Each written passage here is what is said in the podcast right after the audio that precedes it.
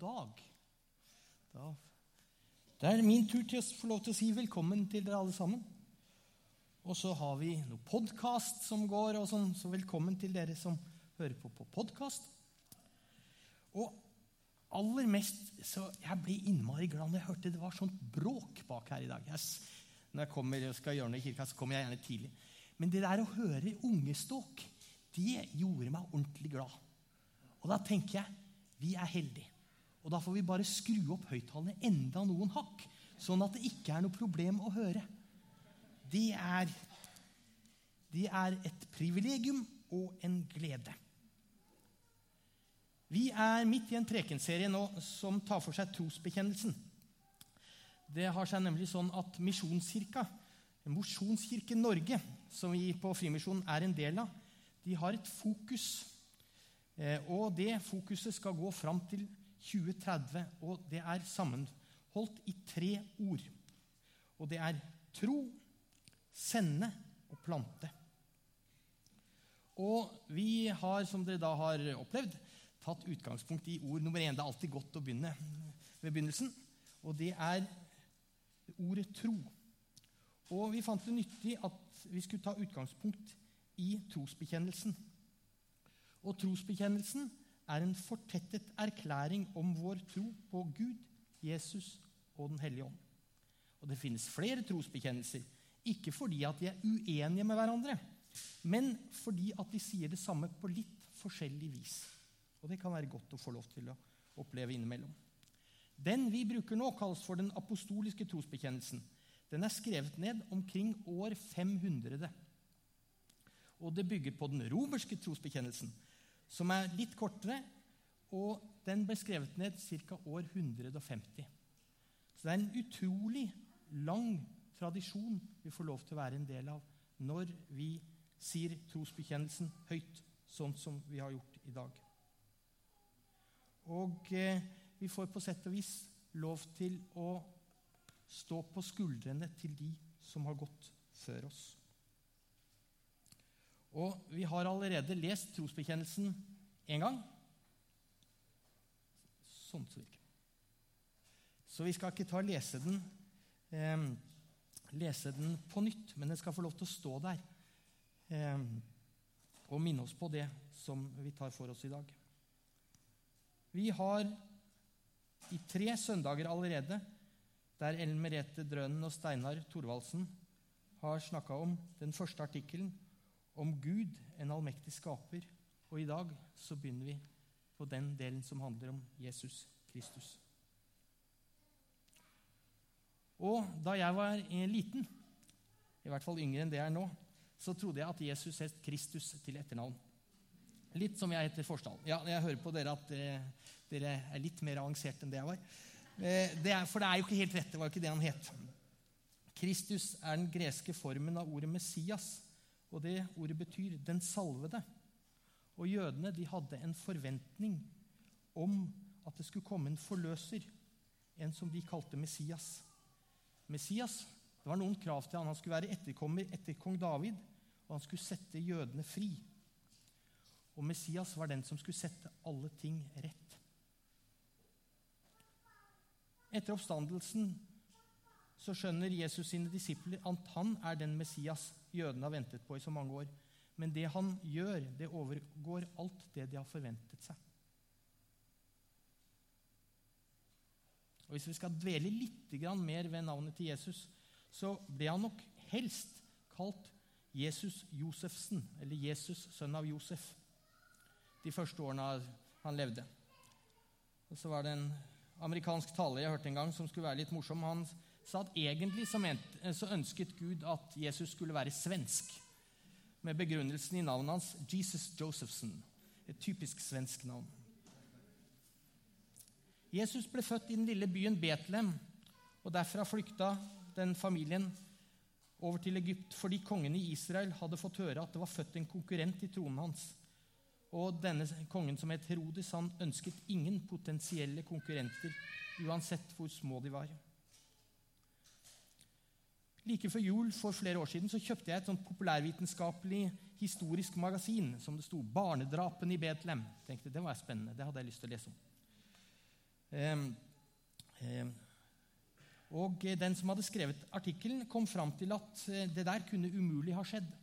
For så rå og brutal kunne ikke kong Herodes være at han tok livet av noen små gutter. Men hvis man filtrerer Dersom man istedenfor å filtrere historien gjennom sine egne preferanser om hva som er mulig og umulig, og isteden ser på hva kong Herodes faktisk gjorde, så synes ikke barnedrap i en fremmed, liten landsby så usannsynlig. Kong Herodes han drepte nemlig flere av sine egne sønner og koner. han hadde flere av dem også, fordi han anså de som potensielle konkurrenter til tronen sin. En historiker i samtiden skrev at det var tryggere å være en gris ved Herodes sitt hoff enn å være en av barna hans. Og det er i den kulturen som regnet griser som urene dyr og definitivt ikke ville ha noe med dem å gjøre. Men når kongen dør, så er det trygt å returnere fra Egypt og de bosatte seg i Nasaret, en by som ikke var spesielt kul, heller litt bondsk. Litt i periferien, ikke dit man frivillig legger sommerferien sin. Litt som en del av mennesker oppfatter Nord-Norge. De fire evangeliene i eh, Det nye testamentet de forteller noen korte glimt om livet til Jesus før han begynte som lærer omkring 30-årsalder. Og vi kan anta at siden Josef var tømrer, så eh, kan vi anta at Jesus også arbeidet som tømrer. Det var jo gjerne da, og litt som nå også, at sønner eh, overtok sine fars yrker. Og De første tiårene etter at eh, Jesus var født, så pågikk det store byggearbeider i regionen han bodde.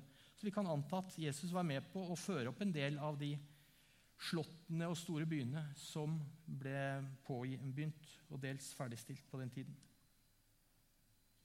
Da Jesus vokste opp, så var det et jødisk opprør der mange menn tok til våpen og ville forsøke å kaste romerne ut. Det gikk riktig dårlig. Historiske opptegnelser sier at det er mer enn 2000 menn som ble korsfestet. Disse mennene fikk de ikke lov til å ta ned og begrave, slik at de ble hengende som groteske eksempel på romersk makt. Jesus visste meget godt hva en korsfestelse gjorde med et menneske.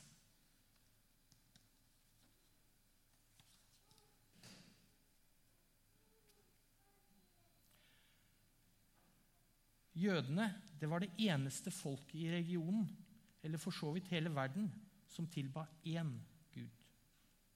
alle andre folkeslag tilba flere guder. Fra norrøn mytologi så kjenner vi en gudelære som består av en salig blanding for å bruke et sånt ord her, av ulike guder og halvguder og mennesker. Gresk mytologi hadde akkurat det samme. Det var ulike guder til ulikt bruk. Men jødene var i særstilling. De hadde bare én gud. Det var kun Gud de skulle tilbe. De skulle ikke tilbe noen andre, og de skulle ikke tilbe noe annet. Og det var de ganske steile på. Du kan kanskje tro at dagens mennesker i det moderne Vesten er de som i størst mulig grad ikke vil tro at et menneske kunne være Gud, men jeg tror kanskje at jødene de, gikk de en høy rang. Det er teologer som har sagt at jødene var det minst sannsynlige folkeslaget i hele verden til å tilbe et menneske som Gud et lite sidespor. Men det var, jødene ble også innrullert i romerske hæravdelinger. Men de ga opp. De orka rett og slett ikke mer, for det var så mye bråk med dem. Og Hovedbegrunnelsen var ikke at de var dårlige krigere, men hovedbegrunnelsen var at jødene de nektet å krige på sabbaten. Så når det ble sabbat, så satte de seg ned. Da gjorde de ingenting. Og når romerne hadde henrettet tilstrekkelig mange av dem, så ga de opp og innrullerte dem i hæren. Så de var veldig steil på at det Gud hadde sagt, det gjorde de som det var sagt. Grekerne derimot, de var klar for å finne guder blant vanlige mennesker. De, det, det, kunne være en gud rundt hvert hushjørne. Apostelens gjerninger forteller om det i kapittel 14. Så står det at eh, etter at Paulus og Barnabas var til stede og helbredet en lam mann, som mente tilhørende at Wow, dette her må være Sevs og Hermes som er kommet på et lite jordbesøk. Så de ville gjerne utnevne dem til guder. Og da kan vi legge merke til at alle, På tross av alle de helbredelsene som det er skrevet at Jesus gjør, så var det absolutt ingen som utpeker han til Gud pga. det. De reiser tvert imot spørsmål om hva det er han finner på når han helbreder folk og sier at han tilgir synd. Å tilgi synd er det jo bare Gud som kan, sier det.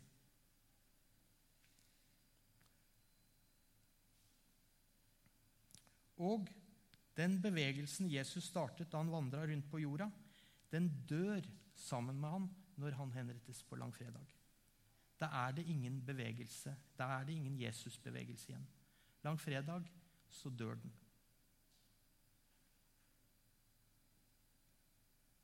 Skal skifte litt fokus. Jeg er enormt glad i en eh, forfatter som heter C.S. Lewis. Han var en engelsk professor i middelalderlitteratur på Cambridge universitet. Og bruker ordet enormt to ganger, men jeg er også enormt glad i bøkene hans. Og han har skrevet mange bøker. Han har skrevet fagbøker om middelalderlitteratur. Det har jeg aldri lest noen ting av. Han har, lest, han har skrevet barnebøker. De har jeg lest noen av.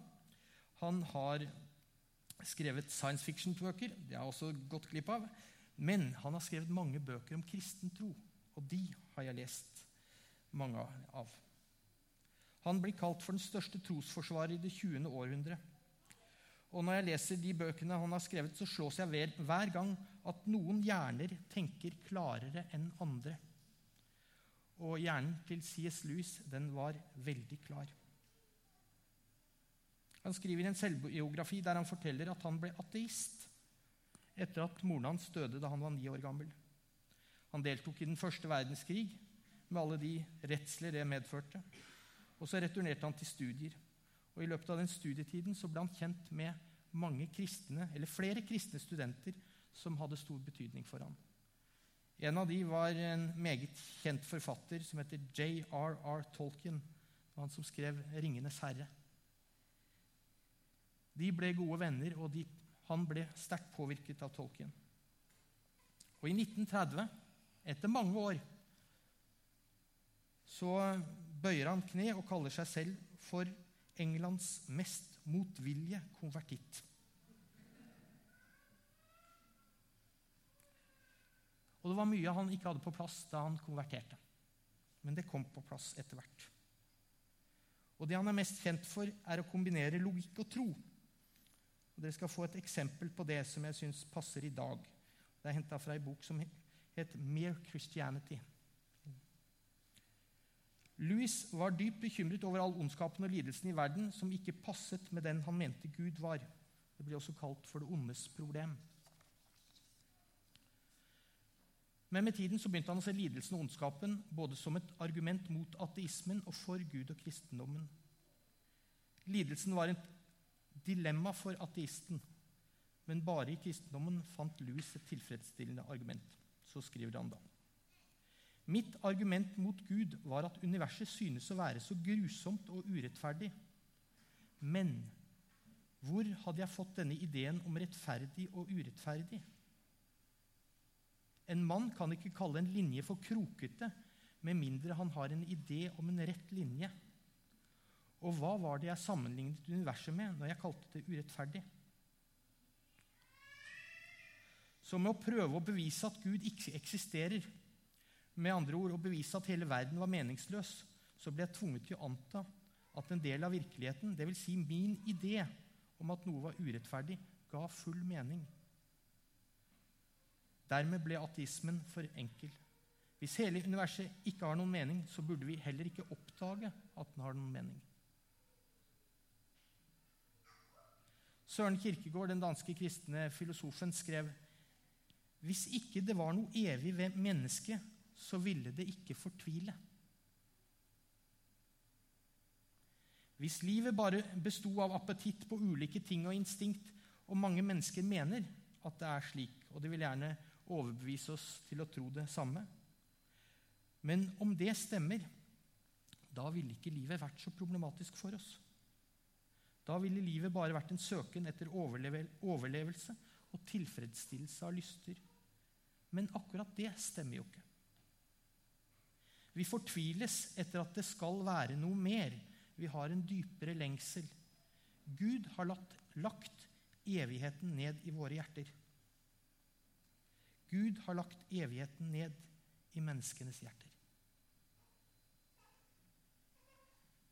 CDC, forkortelsen står for Center for Disease Control and Prevention. Det er amerikaneres svar på Folkehelseinstituttet. De presenterte en dyster statistikk i 2019. De hadde forventet, eller Da hadde den forventede gjennomsnittlige levealderen i USA sunket for tredje året på rad. Og Det var for første gang på mer enn 100 år at det skjedde. Og Det hadde ikke noe med kreftsykdom eller hjertesykdom å gjøre. Men det hadde med selvmord, narkotikadødsfall, det som amerikanerne på den tiden kalte for opioidkrisen, og alkoholrelaterte dødsfall.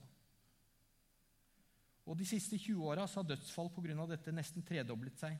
De tre store selvmord, narkotika og alkoholrelaterte dødsfall de kalles nå for 'the diseases of despair', fortvilelsens sykdommer.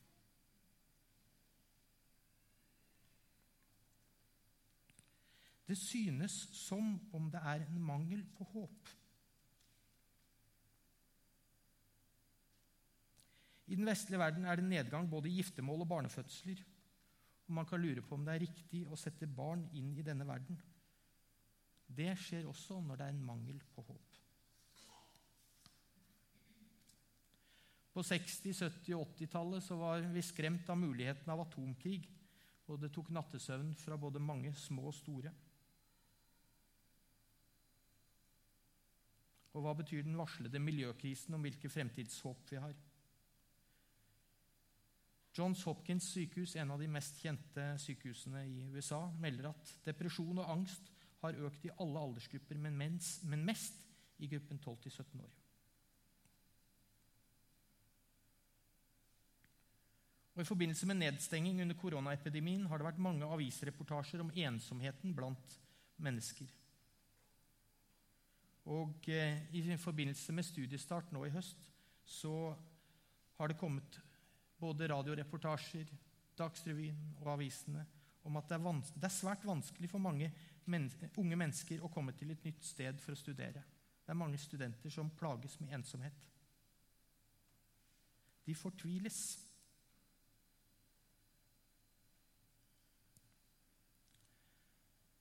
For litt siden sa jeg at den bevegelsen som Jesus begynte da han startet som lærer, den døde med han da han ble, da han ble drept på et kors. Men så skjedde det noe som snudde opp ned på hele verden. I så stor grad at det er årsaken til at vi har den tidsregningen vi har. Nå regner vi tiden før og etter Kristus. Matteus skriver om det her. Han skriver rett fram, uten å utbrodere. Kapittel 28, vers 17. Og da de fikk se ham, falt de ned på kne og tilba ham. Tilba ham. Men noen tvilte. I dette verset så forteller Matteus at disiplene til Jesus skjønner at han er Gud. Det utenkelige for en jøde er blitt en realitet foran øynene deres, og de tilber Jesus som Guds sønn. Og med ett så er verden forandret for alltid.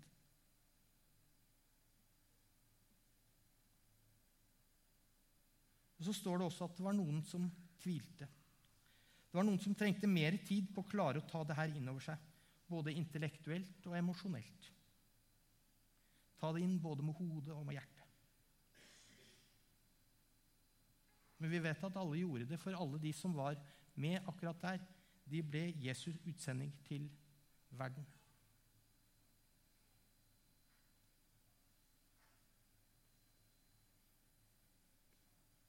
Så hva var det Jesus kom med, da? Jesus lærte oss om Gud som ingen andre har gjort. Jesus kom for at vi skulle gjøre opp vår sak med Gud, slik at vi skulle få komme inn til Gud. Jesus har snakket om Gud som ingen andre mennesker har gjort før han. Han sa at Gud var hans far. Han kalte seg sjøl for Sønnen. Han sa at 'den som har sett meg, har sett Gud'. Jesus kommer med de gode nyhetene om at Gud har elsket menneskene så høyt at Jesus er kommet for å dø i vårt sted, slik at vi slipper. Han sier at vi er skapt i Guds bilde. At vi er verdifulle for Gud. At Gud vet hvem vi er. Jesus forteller oss at hele himmelen gleder seg hver gang et menneske tar imot Guds gave. Guds rike er kommet nær. Vi får nåde og tilgivelse og en, og en mulighet til å starte på nytt. Dersom vi tar imot Han, så vil Han komme inn i livene våre. Paulus skriver at vi har et håp i Kristus, et håp i Ham. Jesus kommer med håp for en hel verden. Jesus sier Gud elsket oss først, og at han har en plan for hver enkelt av oss. Og Når Paulus skal forklare hvilken plass vi har hos Gud, så sier han at vi nå har fått barnekår. Vi har fått en plass i Guds familie der det ikke gjøres større krav på oss enn på barn, og at vi har fulle rettigheter som barn. For mange år siden så, så jeg et bilde av en gutt som leker på kontoret til faren sin. Det var ikke et hvilken som helst far, da. Da bildet ble tatt, så var han verdens mektigste mann. President John F. Kennedy og sønnen John jr. som leker på kontoret hans. Det som kalles for det ovale rom. Og faren jobber samtidig som han holder et øye med sønnen sin. Det er ingen andre barn enn barna til presidenten som kan leke på kontoret hans når han jobber. Heller ingen voksne, for så vidt. Vi har barnekår hos Gud. Jeg syns både at bilde og bibelvers passer veldig godt sammen. I kjærlighet har han av sin egen fri vilje forutbestemt oss til å få barnekår hos seg ved Jesus Kristus.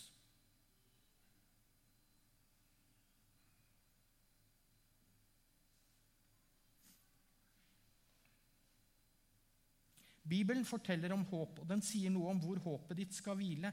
I Hebreerbrevet 6,19 så står det dette håpet er et trygt og fast anker for sjelen. Det når gjennom forhenget inn i helligdommen. Det handler om at Jesus har åpnet en vei inn til Gud for oss. Dette håpet det er et ankerfeste i livet. Ankerfeste det burde det ikke være noe nødvendig å snakke om her, så nær som kysten som vi bor, da. Men eh, prøver litt allikevel. Et ankerfeste sørger for at båten holder seg på plass, om det er storm eller om det er stille. Så vil en båt som er fortøyd til et godt ankerfeste, holdes på plass, og det er trygt for båten og mannskapet. Den som ikke har et ankerfeste, har ikke noe å feste seg i.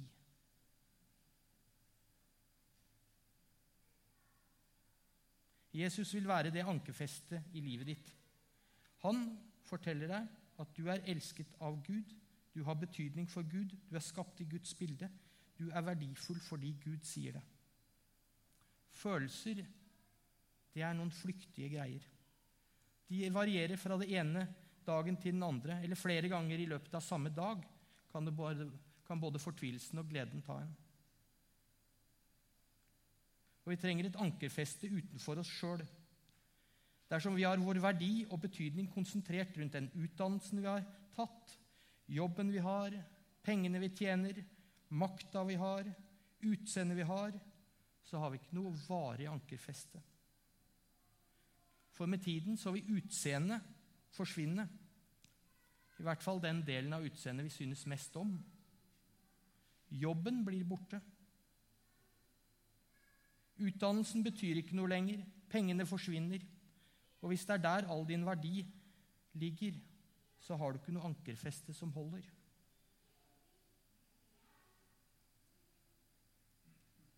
Paulus skrev til Timotius, den unge medarbeideren sin, når det gjaldt rikdom. Du skal innskjerpe for dem som er rike i denne verden, at de ikke må være overmodige og ikke sette sin håp til den utsikre rikdom, men til Gud.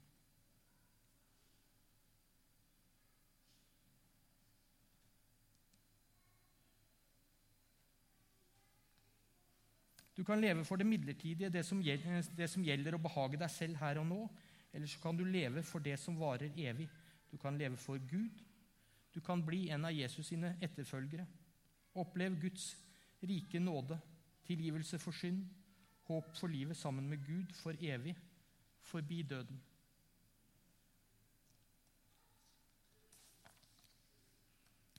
Når ankerfestet får lov til å være det faktum at Jesus kom til jorda for å dø for hver og en av oss, for at vi skulle få komme til Gud helt fram, da har vi et håp her og nå, at vi kan få komme fram til ham, og et framtidshåp i en evighet med ham. Og det her det gjelder også håp når livet ikke er så enkelt. De som skrev Nytestamentet, de skrev i liten grad ut fra lykkelige omstendigheter der livet var enkelt å leve. De hadde det tøft. Paulus, som har skrevet de fleste av bøkene i Nytestamentet, skrev et sted at han har lidd skipbrudd, har blitt steina, han har blitt piska, han har blitt jaga, han har tålt hån, opplevd motstandere som planlegger å drepe han, og til slutt så led han martyrdøden. Men Paulus er fortsatt krystallklar på at vårt håp er i Jesus.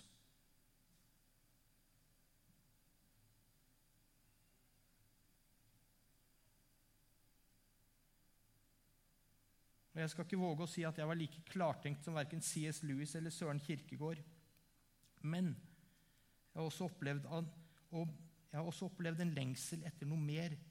At det var med på å drive meg til tro. Og du kan ha mye tvil og likevel ha tro. Akkurat som de av Jesus sine disipler som tvilte da de så han etter oppstandelsen. Men gjennom troen så kan du få lov til å ha et håp og håp er en fin ting. For det har nemlig ikke noe å si hvor stort håpet eller lite håpet er. Det som er viktig, er hva du har håpet i. Hvor er det jeg har håpet mitt?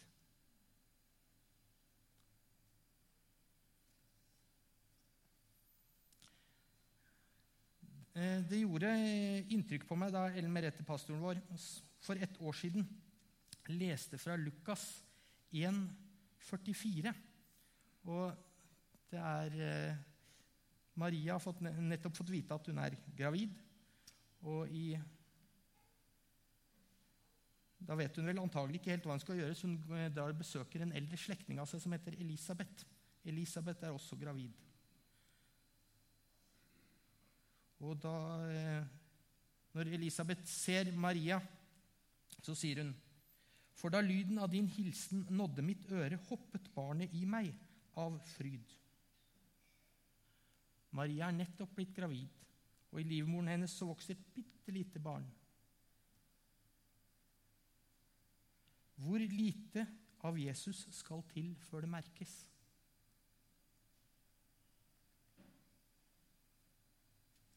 Og Det var de ordene som Elmerette sa. Hvor lite av Jesus skal til før det merkes?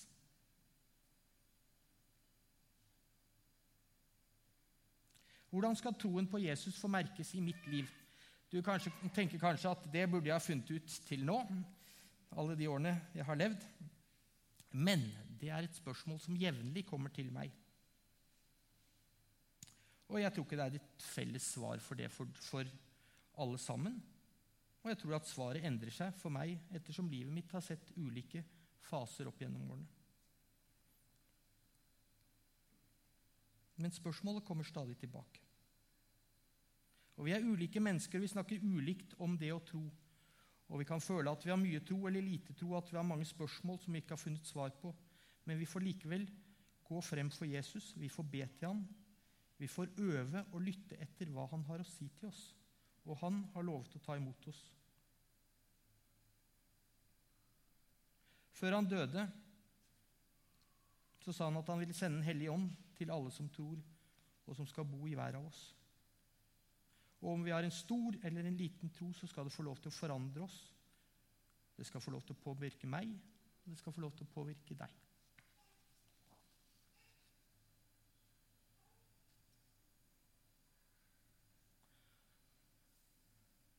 Og så får det lov til å være en bønn helt til slutt om at det at Jesus døde for deg og meg, at det ikke skal bare være en idé som er i hodet, men at den skal få lov til å flytte inn i hjertet. Og at det er det du setter håpet ditt i.